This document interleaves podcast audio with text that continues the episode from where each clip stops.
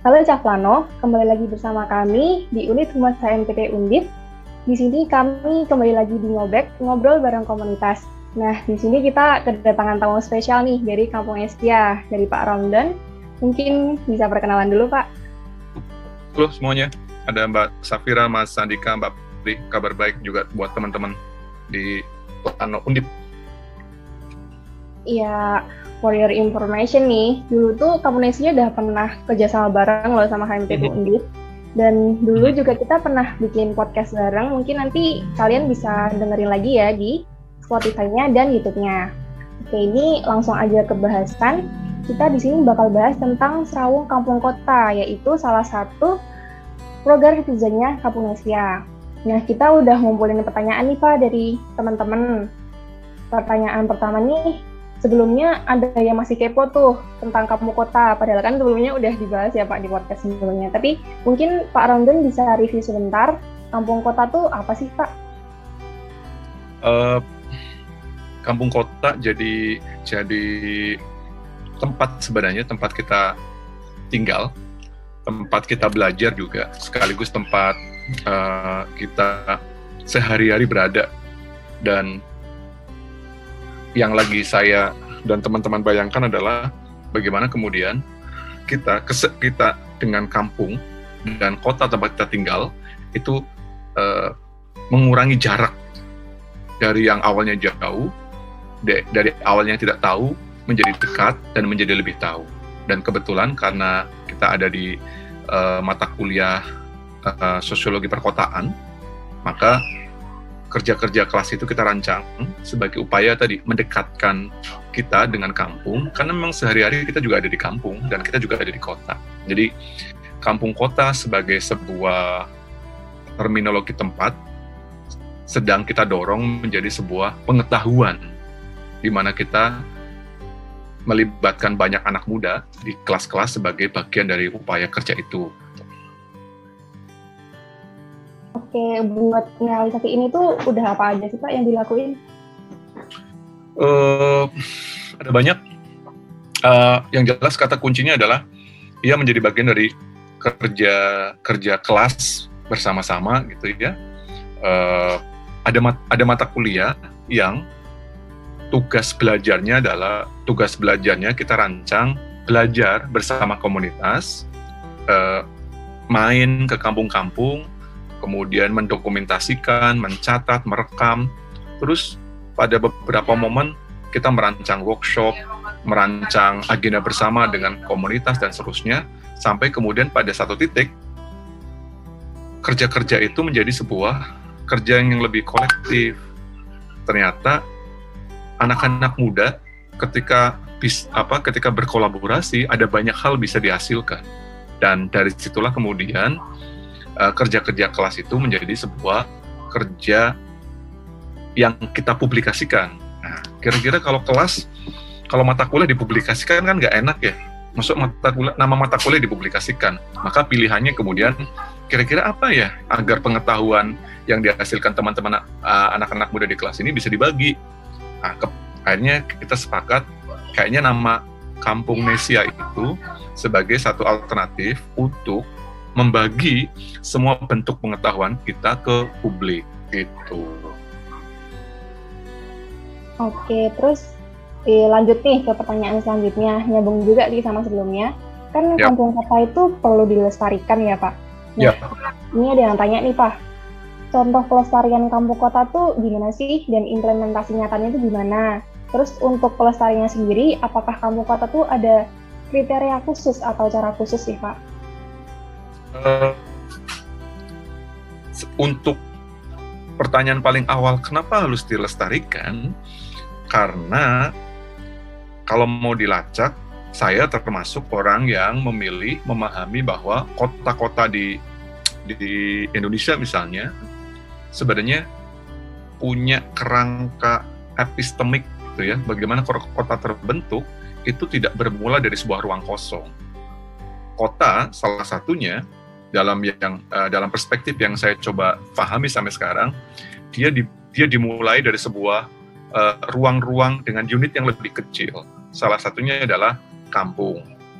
Termasuk juga beberapa beberapa kota yang tumbuh dalam tradisi Nusantara itu punya folklore yang panjang kan ke belakang. Uh, kalau anda bisa nyebut Demak gitu ya. Oh dulu kota Demak karena dulu ada kerajaan Demak. Solo karena karena ada kerajaan Solo gitu termasuk juga banyak kota yang kemudian berawal dari eh, cerita-cerita uh, rakyat yang kemudian uh, membentuk sejarah kota itu sendiri nah itu kenapa kemudian kampung menjadi apa menjadi penting karena ruang-ruang kota yang hari ini berubah tidak boleh lepas dari akar muasal kampung itu sendiri gitu.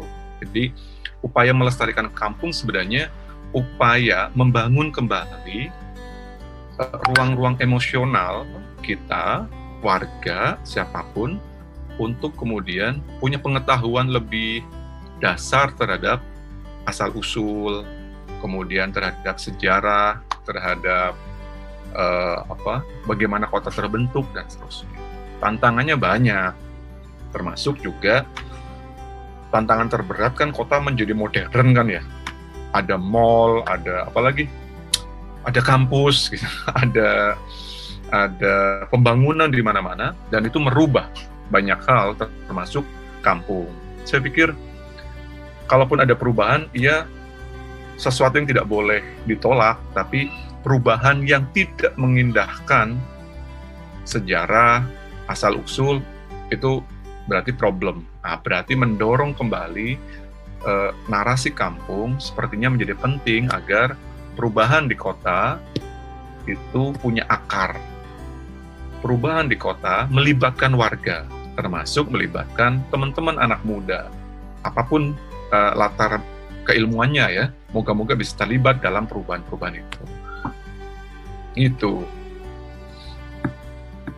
Oke, mungkin review tentang kampung kotanya udah cukup ya, itu juga udah yep. jelas banget. Mm-hmm. Nah, lanjut nih ke bahasan kita tentang Rawung Kampung Kota. Nah, mm-hmm. ada yang tanya nih Pak, Rawung Kampung Kota itu apa sih Pak?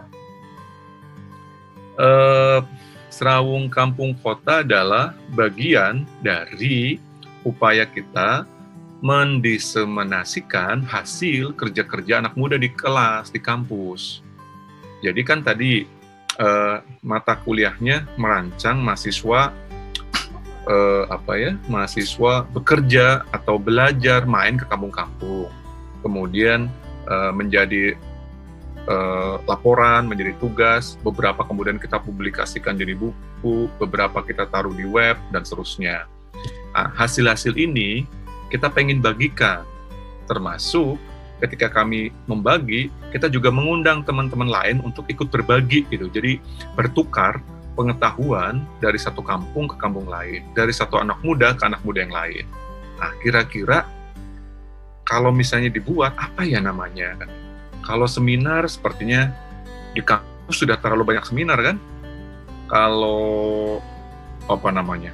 workshop, ya kita bisa buat workshop juga. Tapi kayaknya uh, kita coba bu, bisa nggak ya kita buat forum bersama yang lebih rileks gitu ya. Anak muda bisa berbagi pengalaman yang sederhana uh, dalam proses belajarnya baik berdasarkan background kampus atau background komunitas atau background uh, masyarakat sipil yang lain, NGO, LSM dan seterusnya untuk kemudian duduk bareng-bareng. Dari situlah kemudian kita menginisiasi Sarawung Kampung Kota. Idenya berbagi pengetahuan anak muda satu ke anak muda yang lain.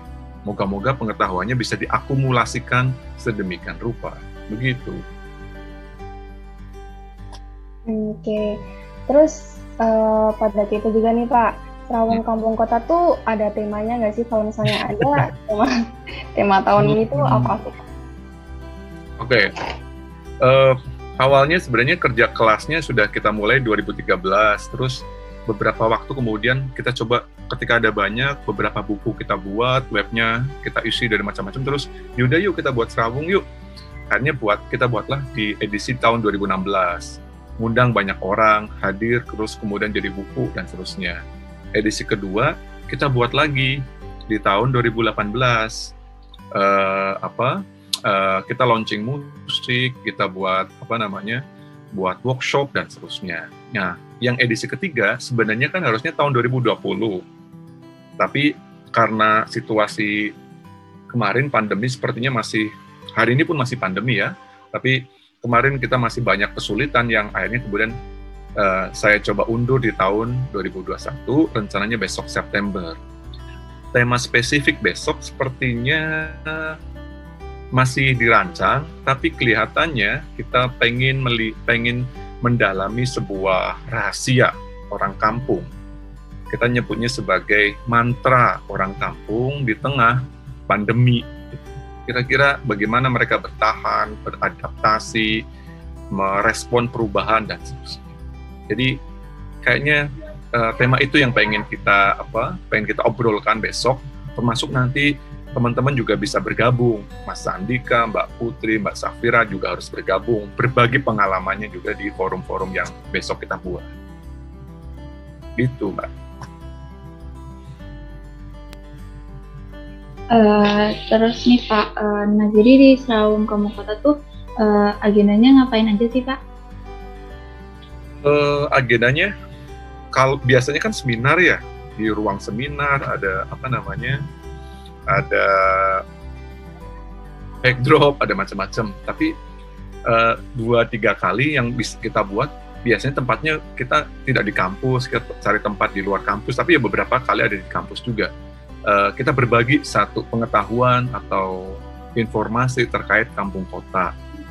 Beberapa kali atau dua kali setidaknya, uh, saya pikir saya sangat banyak mengundang komunitas, termasuk uh, sesepuh-sesepuh kampung di beberapa kota untuk berbagi pengalaman.